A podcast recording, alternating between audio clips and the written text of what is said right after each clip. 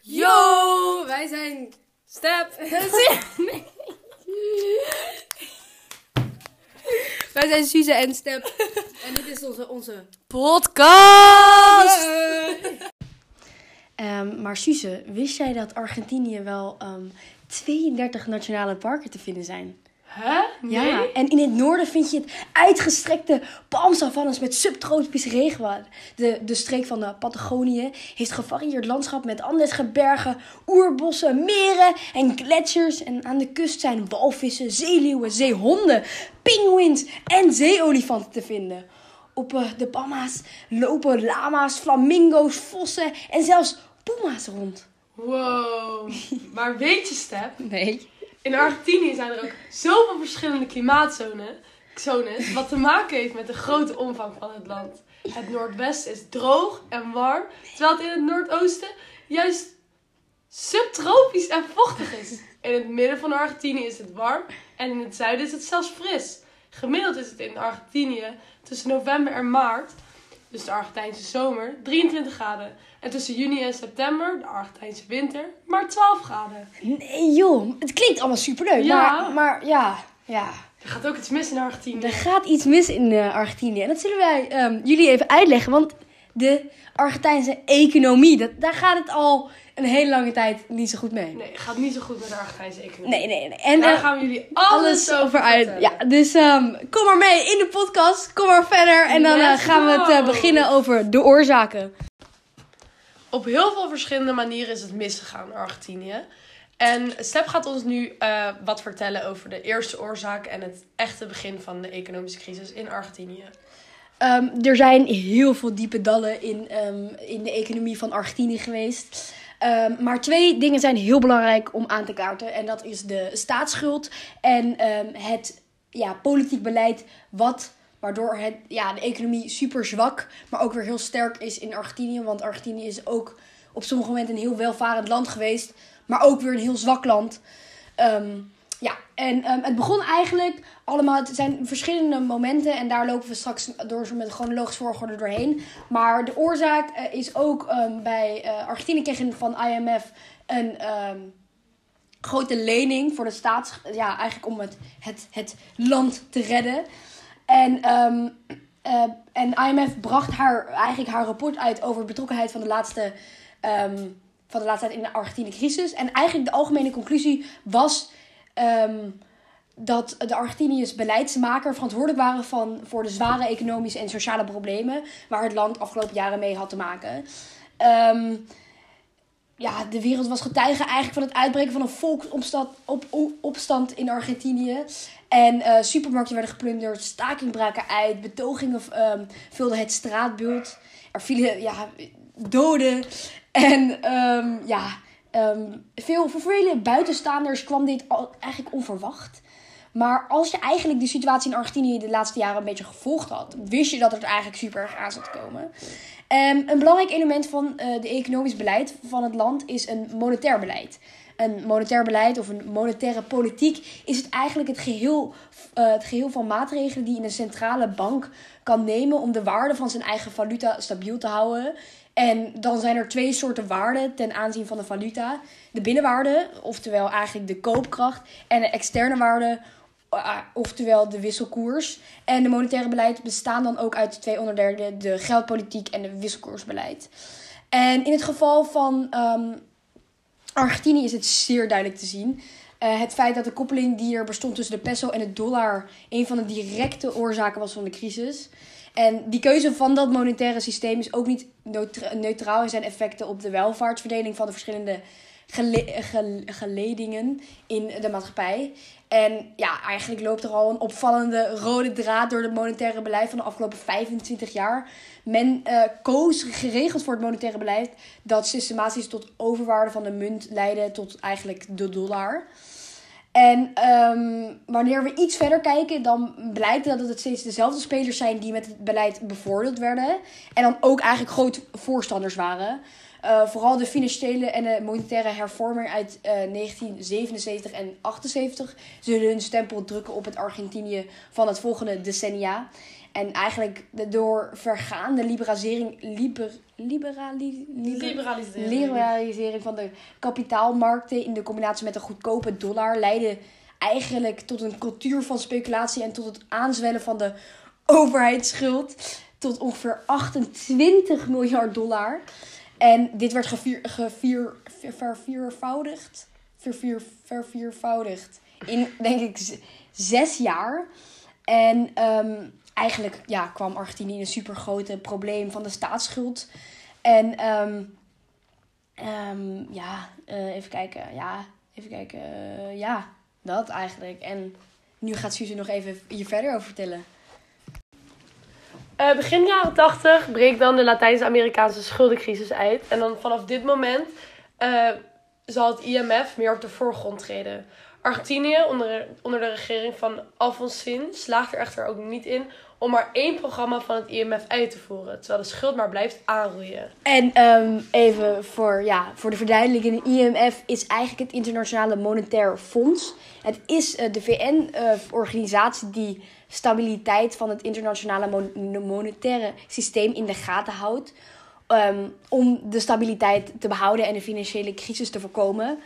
En het IMF ja, analyseert eigenlijk het nationale, regionale en het mondiale economische en financiële ontwikkeling van bijvoorbeeld ehm, Argentinië. En IMF heeft dus ook daarna gekeken. Toen geld eigenlijk soort van geleend om het dingen te kunnen steunen. En eh, ja, dat is het IMF een beetje. Belangrijke aanvulling zeker. Ehm, in 1988 staakt het land in alle stilte de afbetaling van haar schuld. Het jaar daarop volgen de verkiezingen waarbij Carlos Menem het haalt. Ehm, een nieuwe fase in de economische geschiedenis treedt op wanneer het conser... Convertibiliteitsplan. Oh, Oh, invoert. Allesomvattend plan wat is gebaseerd op de vergaande liberalisering van de economie en de privatisering van de overheidsbedrijven met als stilstuk de koppeling van de peso en de dollar. Want de peso en de dollar waren toen de twee munteenheden in ja, Argentinië. valuta's, eh, in Argentinië. En daar kwam uiteindelijk nog eentje bij. Ja. Ehm, het plan is een succes. De inflatie wordt bedrongen en de economie groeit aan een snel tempo. Dit succes verbergt echter een potentieel eh, gevaar. Want door de peso aan de dollar te koppelen, geeft men de mogelijkheid uit handen eh, om via een aanpassing van de koers eventuele eh, economische schokken op te vangen. Dit is iets wat trouwens ook geldt voor de landen van de EMU. Nou ja, wat er eigenlijk nog meer gebeurde is dat er werd geïnvesteerd in hele grote ehm, bedrijven. Er was eigenlijk een grote vrije markt. En daardoor, wat ook eigenlijk in de industriële revolutie ook gebeurde, alle rijkere mensen, die investeerders werden nog meer rijker en de armen werden nog armer. En de ar- arbeiders werden nog ja, armer. En ehm, het economisch team van SA, nou ja, wat we ook moeten weten is dat er in die tijd zoveel presidenten zijn geweest. Dat eigenlijk de namen Ja. niet meer, ja, dat was echt Er ongelooflijk. is Ja, een periode geweest van tien maanden waarin drie verschillende presidenten ehm, aan de macht zijn gekomen en ook weer zijn afgetreden omdat het zo onmogelijk was was om het land stabiel te houden. Oh, ja. Dus we, wij eh, hebben bedacht dat we niet alle presidentnamen gaan noemen. want als ik nu ga zeggen dat de economische team van SA, ja, dat is ook weer iemand anders. Maar die kwam met het voorstel om een derde munt naar de peso en de dollar. Ehm, deze munt heette de Argentino en was niet inwisselbaar voor een andere valuta. Deze munt zou eigenlijk alleen het cashgeld circuleren. En de- hoop was daardoor het vertrouwen in de munt toenemen. Critici noemden het een gecontroleerde deflatie. Maar ja, echter, ja, er was echter te weinig vertrouwen in zijn plannen. En daarom trad Sa ook na een paar dagen eigenlijk al af. In elf dagen had... ehm, in elf dagen zelfs had Argentinië drie eh, presidenten gehad. Dus het was echt, het ging erop en eraf. En ik, ja, dit is ook niet, zo kan je ook geen econ of een politiek beleid Nee. leiden. Want eh, En je zag dat gewoon die, eh, het vertrouwen van de eh, Argentijnse bevolking was zo slecht. ja. Wat je dus ook weer hoort bij de plannen van Sa. Ze konden wel met iets heel erg goeds komen, maar Argentinië had er echt geen zin daar, meer in, de- de arbeid- ja. arbeiders waren echt, hadden het vertrouwen van. Ja. Nou ja, dat was ook. En ehm, uiteindelijk in 2003 stabiliseerde de economie. ehm, en kwam er eigenlijk een einde aan de vrije val. Argentinië was door de lage prijzen een aantrekkelijk land geworden voor eigenlijk de buitenlandse investeerders. Dus als we het hebben over de vrije markt en grote investeerders. ehm, werd het dus eigenlijk Argentinië in 2003 heel super aantrekkelijk. Ja. En ze zorgde ehm, eh, voor de verkoop van soja, voor een belangrijke injectie van de buitenlandse valuta in de Argentijnse economie. Ook pakte de Argentijnse overheid het belastingssysteem aan, waardoor er eigenlijk meer geld binnenkwam. En ehm, de kosten voor de sociale zekerheid stegen wel, maar dit kon omdat de overheid uitgaven op andere terreinen werden gedrukt. En ehm, nou ja, toen kwam er weer een nieuwe president, maar ja, dat is niks nieuws. Maar niet alleen voor die ehm, grote bedrijven was Argentinië een aantrekkelijk land. Maar doordat de economie zo slecht was, was alles super goedkoop. Dus ook Ja. voor vakantiegangers Ja. was het een heel aantrekkelijk land om heen te gaan. Wat juist voor de economie dus echt wel weer iets ja. goed, goed deed. Ehm, dus vanaf 2003 eh, zie je dat eh, het diepe dal... is geraakt. Die is, die is, ja, vanaf dan stijgt het weer. Want tussen, ehm, 1998 en 2002 was het echt de grote, grote Great Depression van Argentinië. En daar was ook het BBP per hoofd zo belachelijk laag. Ja. En pas vanaf 2003 steeg die weer. ja, want je hebt natuurlijk superveel, als we nu even de, er doorheen lopen ook, door de, eigenlijk de hele, want er is natuurlijk een super chronologische volgorde. En er gebeurt eigenlijk in de jaren superveel, vanaf jaren Ja. 70 eigenlijk al. Ehm, maar natuurlijk, eh, er was een nieuwe democratische regering onder leiding van Raúl Alfonsín. Die in, eigenlijk al in 1983 de economie wou herstellen. De Latijnse-Amerikaanse schuldencrisis van 1982 trof het land harder dan in andere landen in de regio trof. Zodat het BNP in 19 te- te- 1990 een kwart lager was dan in 1980. En ehm, eigenlijk in 1990 werd weer natuurlijk een nieuwe president gekozen. Dat is niks nieuws. En die heette Fernando de la Rúa. Kreeg in zijn eerste jaar eigenlijk te maken met een economisch krimpcijfer van 4%. Maar ja, natuurlijk, ja, Fernando die dacht, ja, dat, dat, doe, ik- dat doe ik niks aan. Hij greep niet in ieder geval. En ehm, hij vervolgde eigenlijk de economische politiek van zijn voorganger, eh, voorgangers. Voor, voorgangers, Voorgangers. yes. En dat zag je heel veel. Dat de nieuwe president eigenlijk niet echt een idee had wat hij nou met die economie aan moest. nee. En dat ze gewoon eigenlijk allemaal een beetje hetzelfde beleid kozen als hun voorgangers.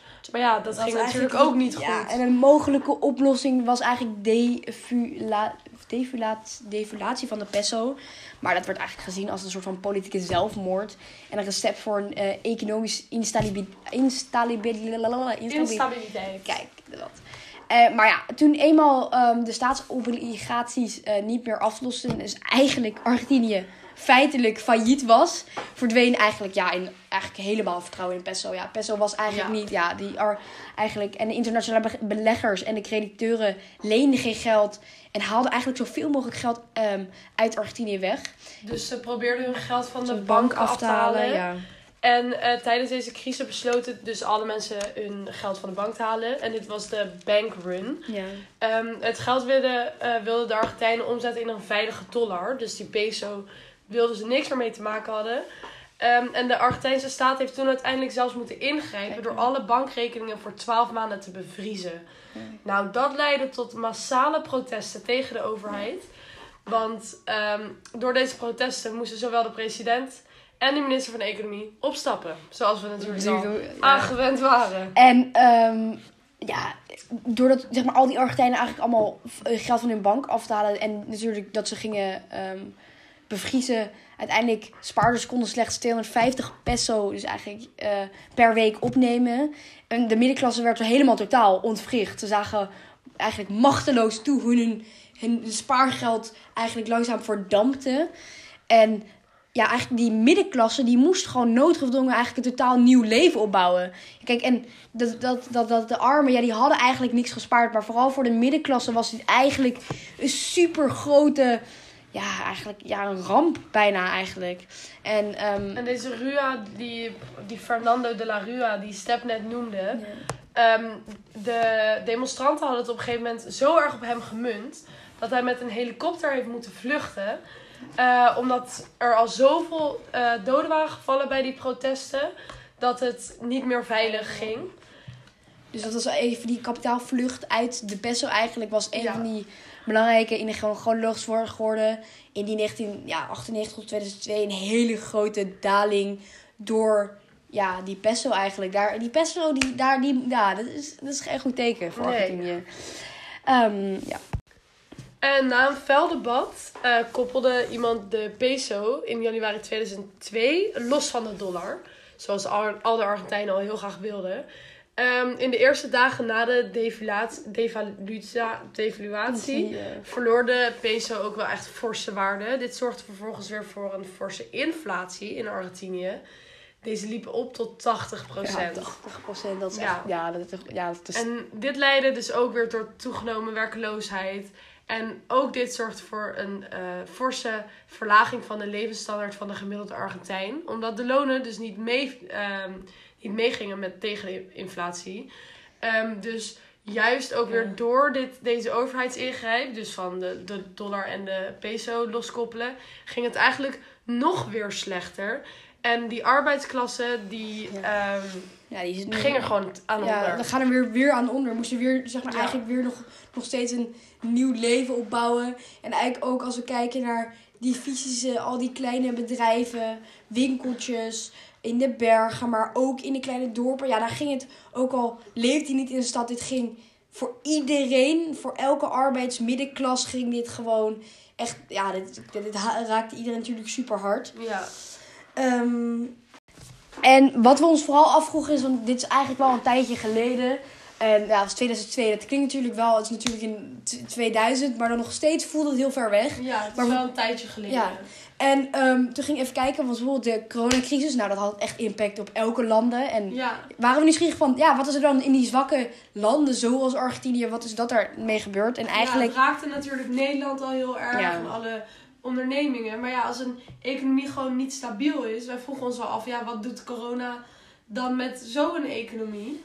en, nou, en dat schokte ons wel. Ja, want in eh, ja, dat, eh, het Latijnse-Amerikaanse land, eh, ja, Argentinië dus, liet ehm, bijvoorbeeld, want dit is een eh, bron van de NOS en die liet weten aan het begin van de corona eh, in 31 december geen schulden meer af te lossen. Dat gaat dus om, ongeveer over 4,5 miljard dollar.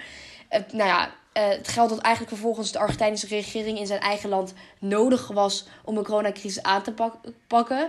Maar eigenlijk, natuurlijk, Argentinië zakte alleen maar dieper in het rood. Het land kwam natuurlijk al ja, super lang al met die economische problemen. En ehm, ja, en andere regeringen, alle presidenten gaven consequent meer geld uit dan er in de kas zat. En ehm, ja, en eigenlijk door die corona leidde er eigenlijk eer- nog een keer een financiële crisis zoals die in 2001. En Argentinië was eigenlijk weer failliet. En ehm, als dat dus plaats in activiteit ging het ook weer door corona. Was zeker geen lekkere booster voor Argentinië. En eh, ja, Voordat wij begonnen met het filmen van deze podcast, hadden wij eh, voor onszelf een paar vragen opgesteld. Ehm, en een van die belangrijkste vragen die we hadden opgesteld was: eh, hoe komt het eigenlijk dat er meerdere economische crisissen plaatsvinden in een bepaalde tijdsperiode? Hier wilden wij heel graag antwoord op, want we zien het natuurlijk niet in Nederland. Nee. Dus we waren heel erg nieuwsgierig hoe dat dan in een ander land wel werkt. Dan ehm, waren we natuurlijk gewoon heel erg benieuwd naar de grote oorzaak. Dus wat is de grote oorzaak van de Great Depression Argentinië? En ehm, dan hadden we natuurlijk ook nog de vraag van de actualiteit. Wat- voor economische schade heeft corona aan Argentinië aangericht? En ehm, samen met al deze vragen hadden wij een soort hoofdvraag opgesteld. Van wat, wat, wat, wat, wat, zou er, wat, wat voor beleid zou er moeten toe, toe te passen om een soort van wel groot economisch eh, land te kunnen worden, zoals bijvoorbeeld India of China. En ehm, Ja, dus wat voor politiek, economisch beleid zou wel werken in zo'n land? ja, En dat zijn wij dus ehm, gaan onderzoeken. zoeken. En als we nu even een conclusie trekken uit eh, die vraag die we hebben opgesteld. ehm, bijvoorbeeld, hoe komt dat er meerdere economische crisis plaatsvinden in een bepaalde tijdsperiode? En ik denk, als we er naar kijken naar wat we net hebben gedaan, ook door de doorloop en met de oorzaken, is natuurlijk ja, die, ja, die staatsschuld en die economisch politiek beleid van hoe er met geld om wordt gegaan, zorgt ervoor dat er zoveel meerdere economische crisis plaatsvindt. Of eigenlijk, als je het eigenlijk kijkt, is dat er eigenlijk altijd een economisch, Ja. economische crisis. Ja, ik vind niet echt dat je kan zeggen dat het. Want het gaat dan wel goed, maar dat is eigenlijk een groot gevaar, want het duurt niet langer dan een jaar. Nee. Nee, dus... Je hebt gewoon de staatsschuld is altijd heel hoog gebleven. Ja. Ehm, en daar, niet, ja, daar, niet, ja. Nee, en daar zaten ze gewoon echt aan vast. En de problemen in Argentinië waren het gevolg van gewoon decennia lang onophoudelijke politiek mismanagement, Ja. zoals het wordt genoemd. Het land, het land kampte gewoon al jaren met massale inflatie, verstoorde relaties met globale markten. En ook heeft Argentinië heel vaak ehm, de IMF-evaluatie geweigerd. Oh ja. Ehm, omdat het land vanwege zijn faillissement in eh, 2001 geen geld kon ophalen op de internationale markten. En hierdoor zat juist die situatie echt super lang. Ja. Super lang vast. Gewoon gewoon muurvast. muurvast. Dus ehm, ja, en ja, die oorzaken hebben we natuurlijk. Ja, we hebben net helemaal uit. Ja, want, ik kon, want een echte chronologische volgorde zit er natuurlijk niet in, omdat er zoveel gebeurd is in die afgelopen jaren. En ehm, ja, die oorzaken is natuurlijk. Die staatsschuld is een groot probleem, waardoor ze eigenlijk niet kunnen groeien, omdat ze eerst iets moeten afbetalen. En ja, het politieke beleid van het. Ja, er is geen, er is geen vertrouwen door de arbeiders, omdat er elke dag ongeveer geswitcht wordt van president. Nou, hoeveel presidenten hebben ze al gehad Ja. de afgelopen jaren? En ehm, ja, het, het brengt gewoon veel, veel, veel schade ook in de economische. voor de burgers, voor het land, voor hoe ze eruit ziet. Mensen willen niet meer. Mensen, zeg maar, het kan aantrekkelijk zijn omdat ze goedkoop zijn. En het is een super mooi vakantieland. Er zijn, er heeft, het, land heeft super veel potentie. Ja, Eh, Je kan er, bijvoorbeeld wat we aan het begin vertelden, super mooie natuur. En dat zou Argentinië super goed doen als het economie meer ja, zou groeien eigenlijk. ja. Maar ja. En ehm, als we dus kijken naar wat zou er eigenlijk, wat zou je moeten toepassen naar ja, zo'n Argentijns beleid. Om het wel eigenlijk een welvarend economisch land te kunnen Ja. worden. En dat is wel wat je bijvoorbeeld wel zag in 2003. Toen die landinvesteerders kwamen. Omdat het heel goedkoop ging, het wel heel super lekker. ja. En ehm, veel eh, economen zeggen ook, bijvoorbeeld econoom Jean Teleka, ehm, of te, ja, nou ja, ik weet niet. Zeg, zeg, zeg maar, die zegt bijvoorbeeld, ja, dit land heeft gewoon dollars nodig om eigenlijk drie redenen. Bedrijven, bedrijven om de be- benodigdheden te, te importeren, spaarders om hun vermogen te beschermen tegen inflatie en toeristen voor het uitgaven in het buitenland. En Argentinië exporteert echter onvoldoende diensten en goederen om die nodige dollars te verdienen.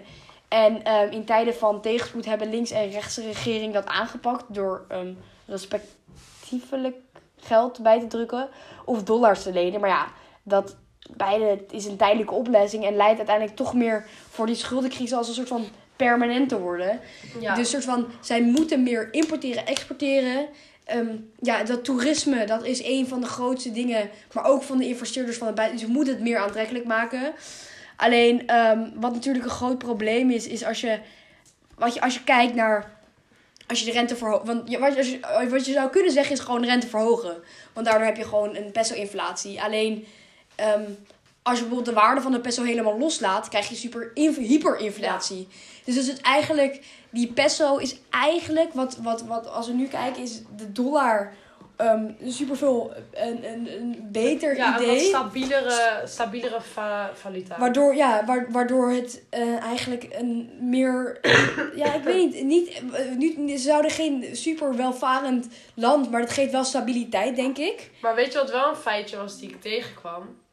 100 jaar geleden was Argentinië een van de welvarendste landen van eh, de wereld. Dus ze hebben de potentie. De- ze hebben de potentie echt, dat En denk ik ook. Ja. Als ze gewoon een goede eh, politieke leider ehm, zeg maar aan de macht hadden. En iemand die er verstand van heeft. En niet gewoon al die, Ja. al die presidenten die maar hetzelfde gaan doen als de vorige president.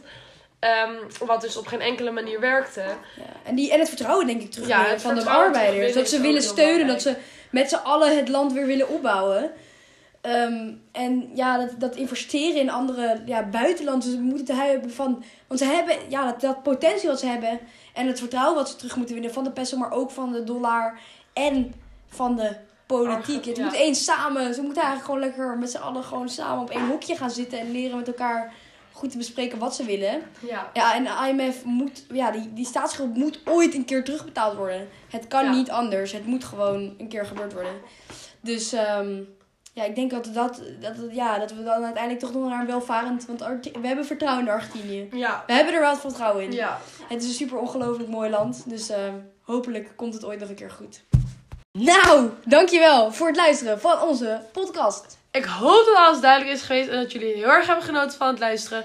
Wij hebben in ieder geval genoten. Ja, we hebben genoten. Het was super interessant. We hebben super veel geleerd over Argentinië. Waar we eigenlijk bijna niks van afwisten. Nee, we wisten dat het een super mooi land was. Maar super veel geleerd. En we hopen dat het ooit goed gaat komen met Argentinië. Ja. We hopen het echt. Ja. Dankjewel. En eh, tot de volgende keer Tot de volgende keer. Doei.